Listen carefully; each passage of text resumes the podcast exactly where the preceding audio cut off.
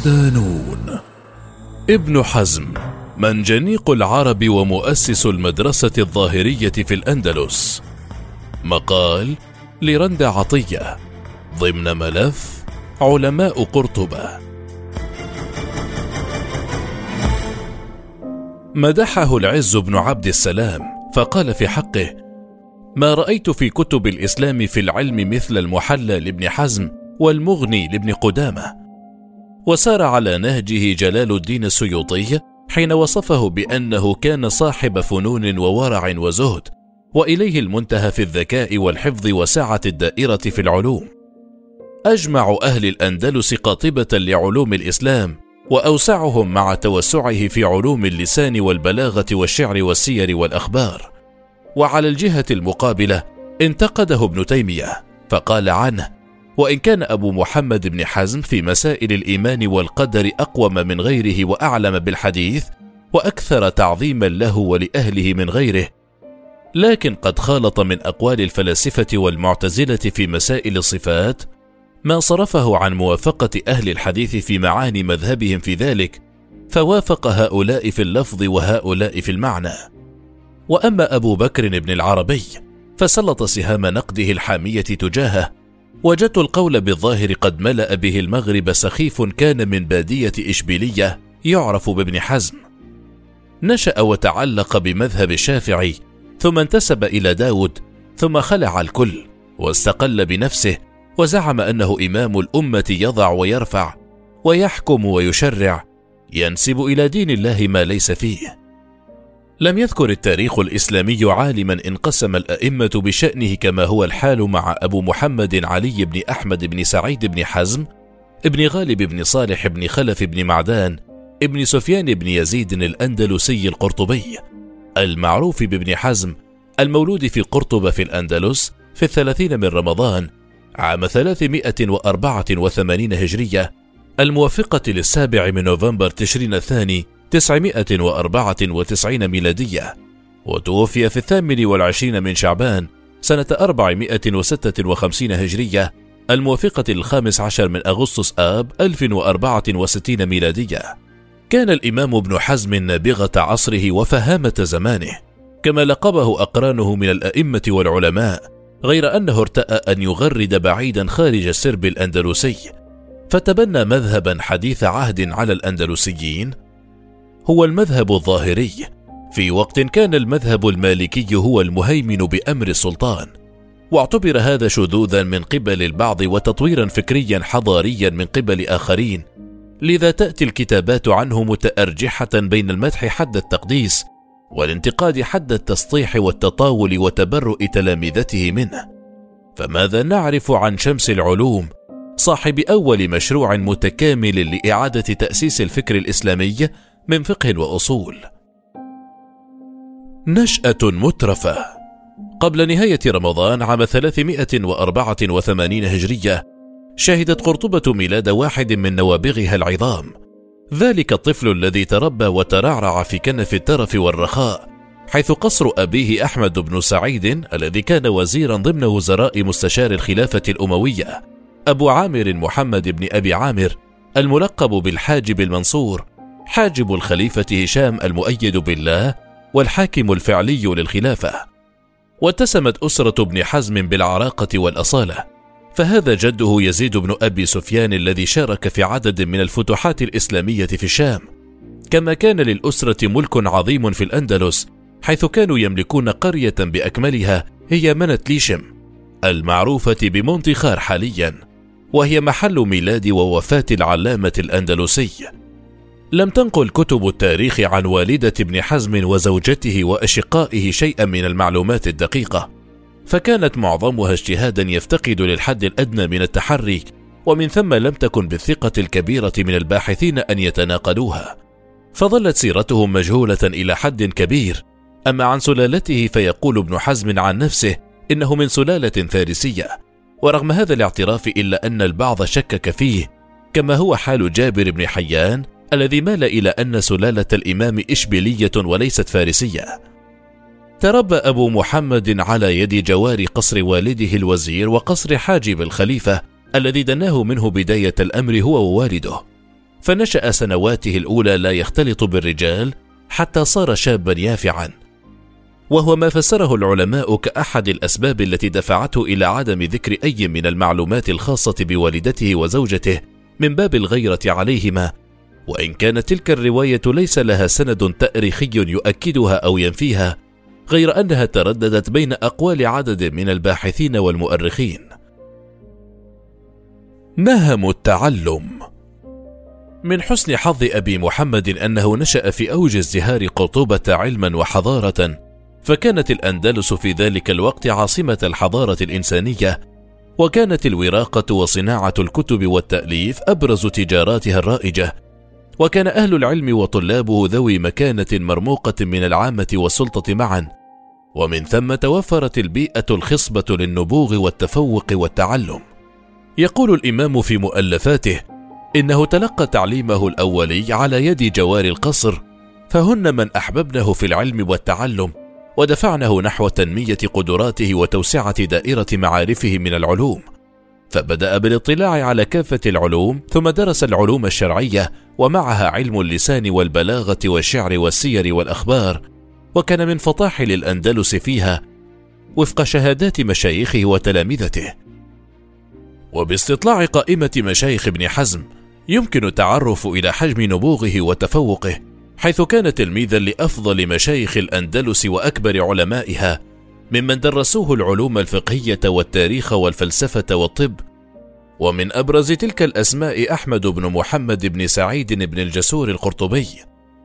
الإمام مسعود بن سليمان بن مفلة الشنتريني القرطبي المعروف بأبي الخيار القاضي. والعلامة أبو بكر حمام بن أحمد الأطروش القرطبي.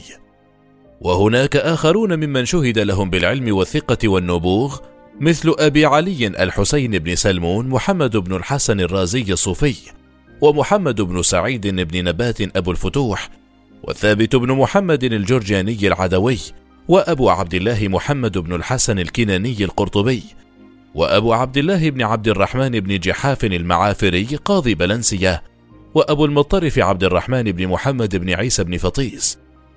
وفي أحضان تلك الكوكبة العلمية التي أنارت سماء الأندلس بأشعة العلم المشرقة لعشرات السنين خرج ذلك النور القرطبي الذي وصفه المؤرخ صاعد الأندلس حسب ما نقل عنه الإمام شمس الدين الذهبي في كتابه سير أعلام النبلاء. كان ابن حزم أجمع أهل الأندلس قاطبة لعلوم الإسلام وأوسعهم معرفة مع توسعه في علم اللسان والبلاغة والشعر والسير والأخبار. وتعددت مفاتيح نبوغ ابن حزم منذ الصغر. فرغم بعض الروايات التي تقول إنه تلقى العلم وهو في سن متأخرة هناك أقاويل تشير إلى أنه لم يبدأ تلقي العلم إلا في سن السادسة والعشرين عاما إلا أنه لم يكن هناك ما يثبت ذلك. وكان يتمتع الإمام بمجموعة من الدوافع والأسباب التي أوصلته إلى تلك المرحلة النورانية من النبوغ.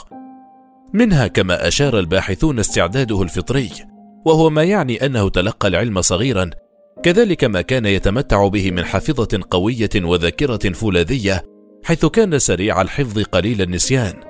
إضافة إلى تعلقه الشديد بالعلم والتعلم غير مستكبر رغم وجاهته ومكانته فهو ابن وزير وتقلد منصب الوزارة عدة أشهر. صراع السياسة والفقه. لا يمكن الحديث عن اسهامات ابن حزم بمعزل عن السياق العام الذي عايشه في ريعان شبابه حيث كانت تعاني الدولة الأموية من صراع سياسي مدمر نزاع على السلطة بين الأمراء وصل إلى حد إطلاق الناس على ثلاثة أمراء في الوقت نفسه لقب أمير المؤمنين. ما يعكس حالة التشرذم التي كان عليها الشارع الأندلسي آنذاك.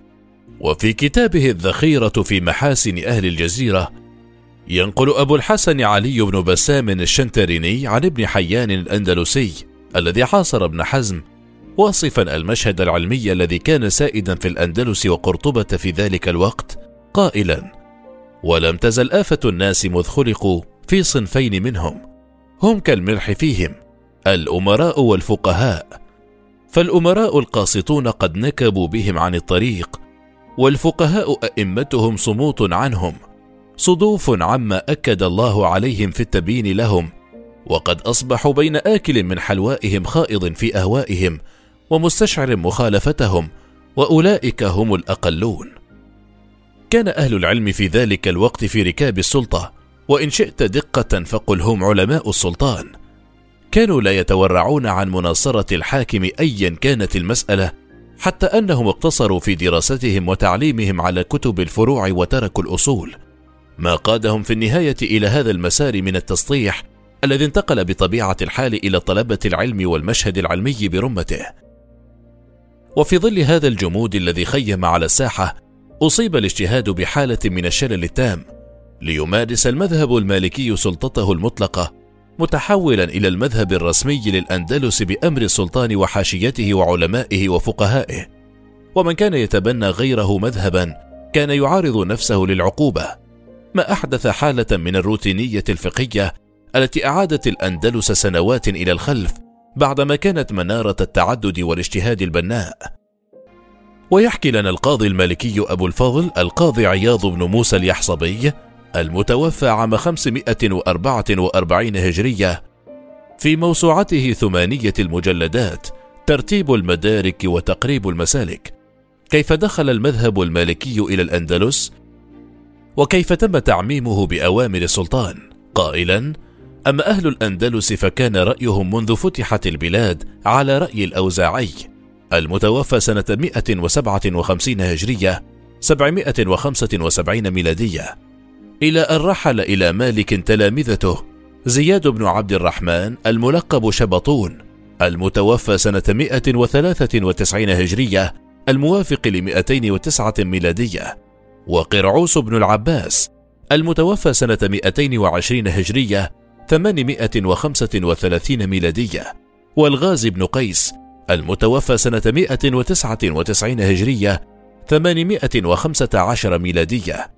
ومن بعدهم فجاءوا بعلمه وأبانوا للناس فضله واقتداء الأمة به فعرف حقه ودرس مذهبه. إلى أن أخذ أمير الأندلس إذ ذاك هشام بن عبد الرحمن الداخل ابن معاوية المتوفى سنة 180 هجرية 796 ميلادية. الناس جميعا بالتزامهم مذهب مالك وصير القضاء والفتيا عليه. في تلك الأثناء ما كان أحد يجرؤ على التغريد خارج السرب المرسوم بأوامر السلطان وحاشيته المعممة. وكان الحديث عن مخالفة المالكية جريمة يؤخذ صاحبها بالنواصي والأقدام. جريمة سياسية قبل أن تكون جريمة فقهية. وفي تلك البيئة الطاردة لأي نبوغ أو اجتهاد كان لابد من كسر هذا الحصار وإحداث انقلاب كامل يعيد الأمور إلى نصابها ويعيد قرطبة إلى سابق عهدها حين كانت قبلة العلماء وطلاب العلم من كل حدب وصوب. وهي التي قال عنها ابن بسام الشنتريني في كتابه الذخيرة وحضرة قرطبة منذ استفحلة الجزيرة هي كانت منتهى الغاية ومركز الراية وأم القرى وقرارة أهل الفضل والتقى ووطن أولي العلم والنهى وقلب الإقليم وينبوع متفجر العلوم وقبة الإسلام وحضرة الإمام ودار صوب العقول وبستان ثمرة الخواطر. وصل المذهب الفقهي في الدولة الأموية الأندلسية مبلغا لم يصل إليه مذهب آخر وهو ما تؤصله ثروة الربض عام 817 ميلادية. تلك الثورة التي نشبت بين فقهاء المالكية والنظام الأموي وأسفرت في النهاية عن عقد تحالف بين الدولة والمالكية بعدما باتت ذات نفوذ لا يمكن مقاومته. لتصبح بهذا التحالف كما يسميها البعض ذات حصانة دستورية لا يمكن الافتئات عليها من أي أحد حتى من كبار العلماء بل إن من يحيد عن هذا المذهب يرمى بالابتداع والضلال.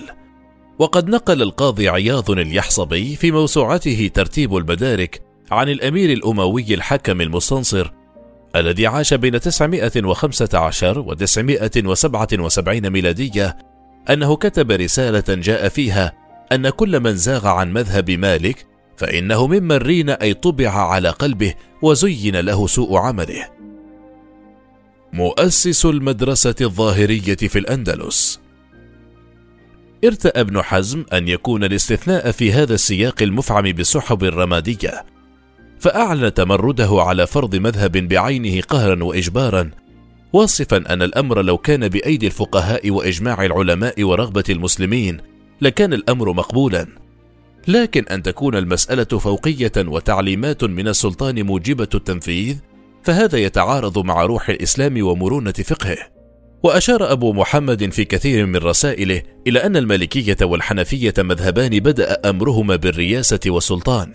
الحنفية على يد القاضي أبي يوسف المتوفى عام 798 ميلادية حيث كان لا يولي قاضيا إلا من يعتنق الحنفية والمالكية في الأندلس.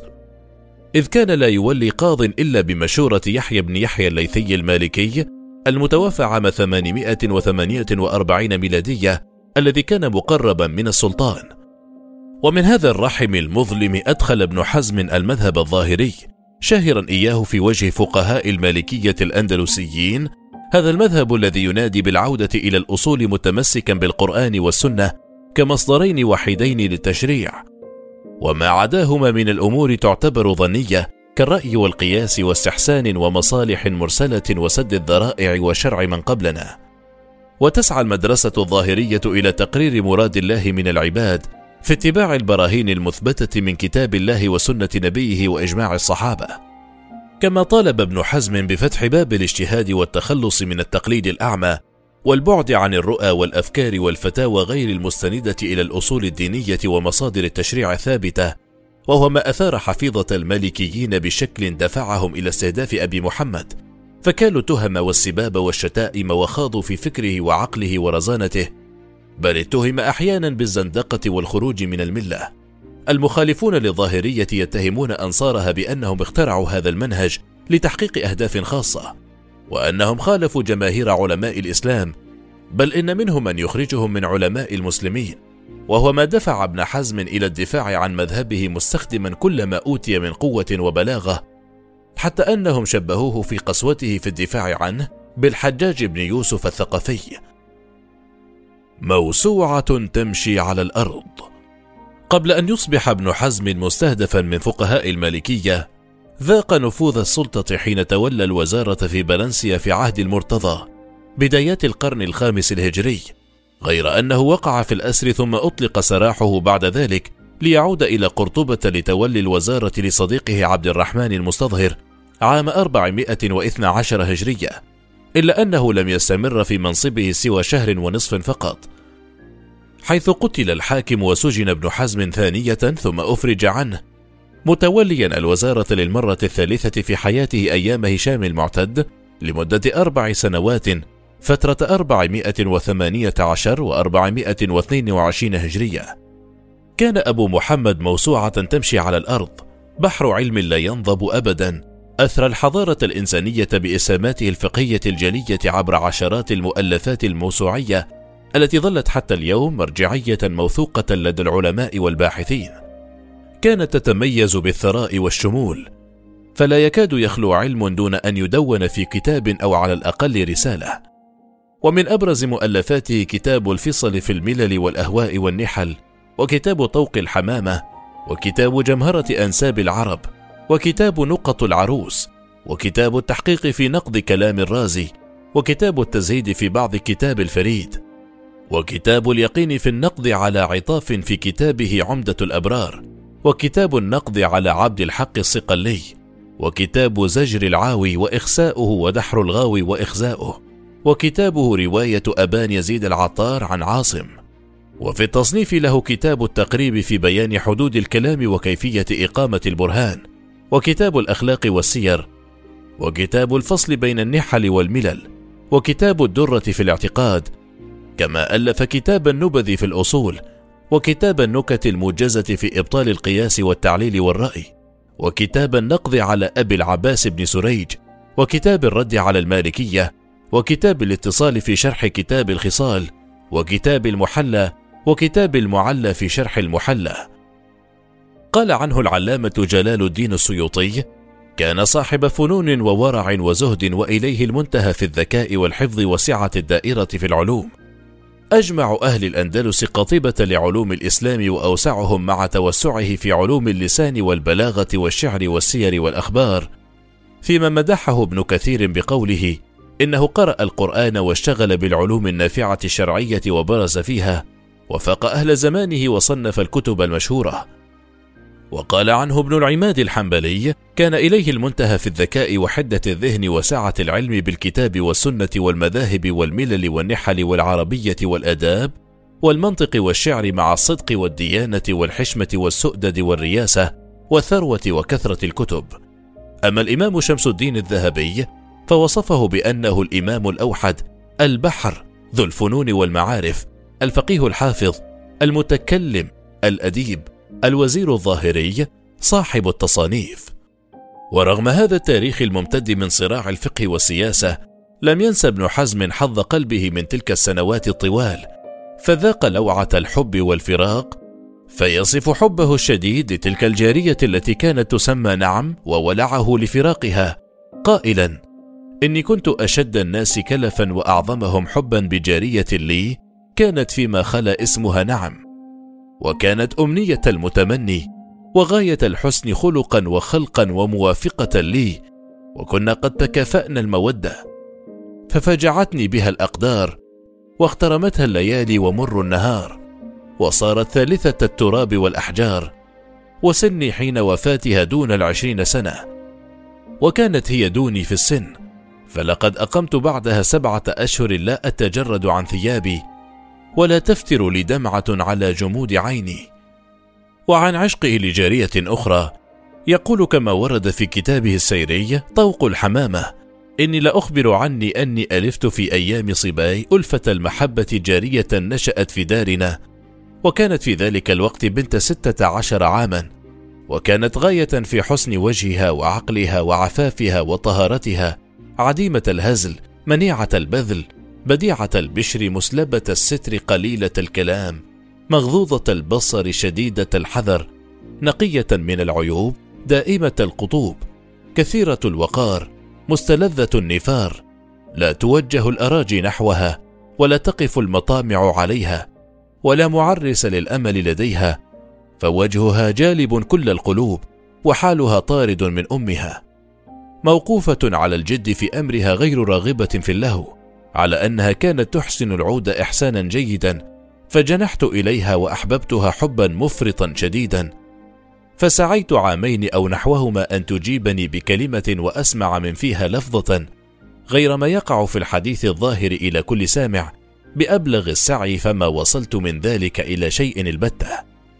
ونجح ابن حزم في هزيمة صناديد الجمود الفكري والفقهي في الأندلس فاتحا الباب على مصراعيه أمام الاجتهاد والتطوير وفق الأصول حيث خاض عشرات المعارك مع أئمة المالكية من الأقزام فكرا المتشبثين بالنمطية المغلقين لباب الاجتهاد المتزلفين للحاكم المتربحين من مناصبهم وهو ما أوغر صدورهم تجاهه فألبوا عليه المعتضد بن عباد أمير إشبيلية الذي أصدر قرارا بهدم منزله وحرق كتبه ومصادره أمواله. وفرض عليه إقامة جبرية في بلدته منتليشم التي ولد فيها حتى وفاته المنية عام 1064 ميلادية. شعر فقهاء الأندلس بعد حرق كتب ابن حزم بالخزي والعار وتأنيب الضمير. الشعور ذاته انتقل إلى بعض السلاطين، ورغم أن تلامذة الإمام نجحوا في إنقاذ العديد من مؤلفاته، إلا أن أغلبها دمر في المحرقة التي أطاحت بمنزله. لتظل تلك الجريمة وصمة عار في تاريخ الأندلس وقرطبة حتى اليوم. وبعد عقود من موته حكم الأندلس دولة الموحدين بين 1121 و 1269 ميلادية، وخرج من بينهم سلطان يدعى المنصور يعقوب الموحدي، توفي عام 1199 ميلادية، وكان معجبا بابن حزم ومؤلفاته وشجاعته في مواجهة فقهاء السلطان. وقد روي عنه أنه وقف على قبر أبي محمد قائلا كل العلماء عيال على ابن حزم. وأراد هذا السلطان أن يرد اعتبار ابن حزم بعد وفاته ممن ظلموه في حياته وانتقموا منه وأحرقوا بيته وأجبروه على عدم الخروج من قريته حتى مات فيها. ففرض المذهب الظاهري على أهل الأندلس عام 1195 ميلادية وحرق كتب المذهب المالكي بأكملها في الأندلس والمغرب ثارا وأسوة بما فعل مع أبي محمد. وفي النهاية استطاع ابن حزم أن يقدم نموذجا بارعا في الجرأة والشجاعة دفاعا عن رؤية أو موقف متحديا كافة الصعاب والعراقيل مستندا إلى علم وثيق بأصول الدين وثوابته مؤكدا على أن العلم هو السلاح البتار في مواجهة الجهلاء تاركا خلفه إرثا من العلم والثقافة قلما جاد به الزمان ليستحق وعن جدارة لقب منجنيق العرب كما وصفه العلامة ابن القيم الجوزي.